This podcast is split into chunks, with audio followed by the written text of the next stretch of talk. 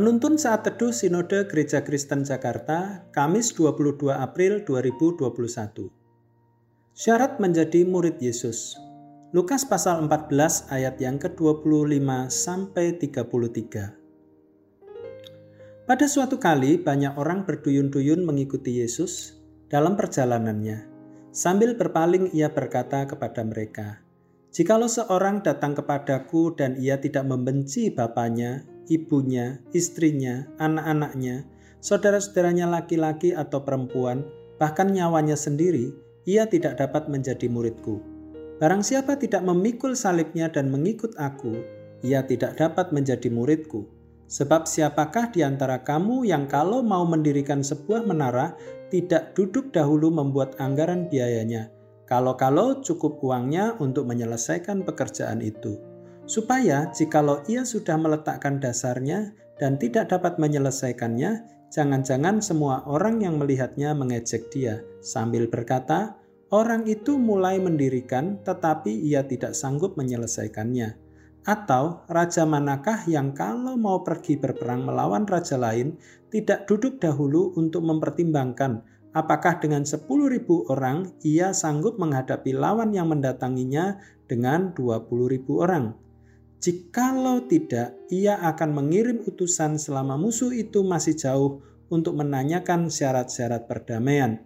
Demikian pula lah tiap-tiap orang di antara kamu yang tidak melepaskan dirinya dari segala miliknya tidak dapat menjadi muridku.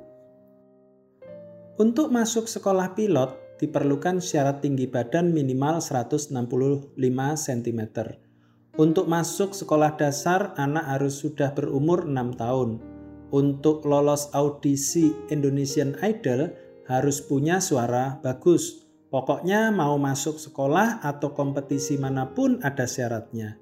Lalu apa syarat untuk menjadi murid Tuhan Yesus? Yesus berkata, "Jikalau seseorang datang kepadaku dan ia tidak membenci bapaknya, ibunya, istrinya, anak-anaknya, saudaranya laki-laki atau perempuan, bahkan nyawanya sendiri, ia tidak dapat menjadi muridku. Ayat 26. Ucapan Yesus bukan berarti membenci secara harfiah. Maksudnya, jika kita mau menjadi murid Yesus, maka komitmen kepadanya perlu diprioritaskan di atas segala komitmen yang lain. Mungkin ada komitmen kepada keluarga yang bertolak belakang dengan komitmen kepada Yesus. Misalnya, dalam budaya tertentu, anak wajib bersumpah di depan peti jenazah ayahnya untuk membalaskan dendam kepada musuh ayahnya.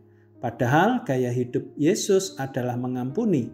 Menjadi murid Yesus berarti melepaskan diri dari gaya hidup yang bertolak belakang dengan Yesus, termasuk soal harta kekayaan. Yesus berkata kepada seorang kaya yang mau menjadi muridnya, Jualah segala yang kamu miliki dan bagi-bagikanlah itu kepada orang-orang miskin dan ikutlah aku. Lukas 18 ayat 22. Melepaskan diri dari gaya hidup atau budaya yang lama biasanya tidak mudah.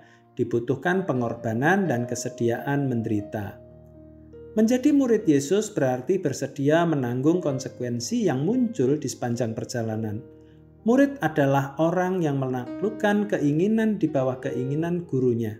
Ia melepaskan gaya hidupnya lalu mengikuti gaya hidup gurunya. Ada kesatuan antara guru dan murid.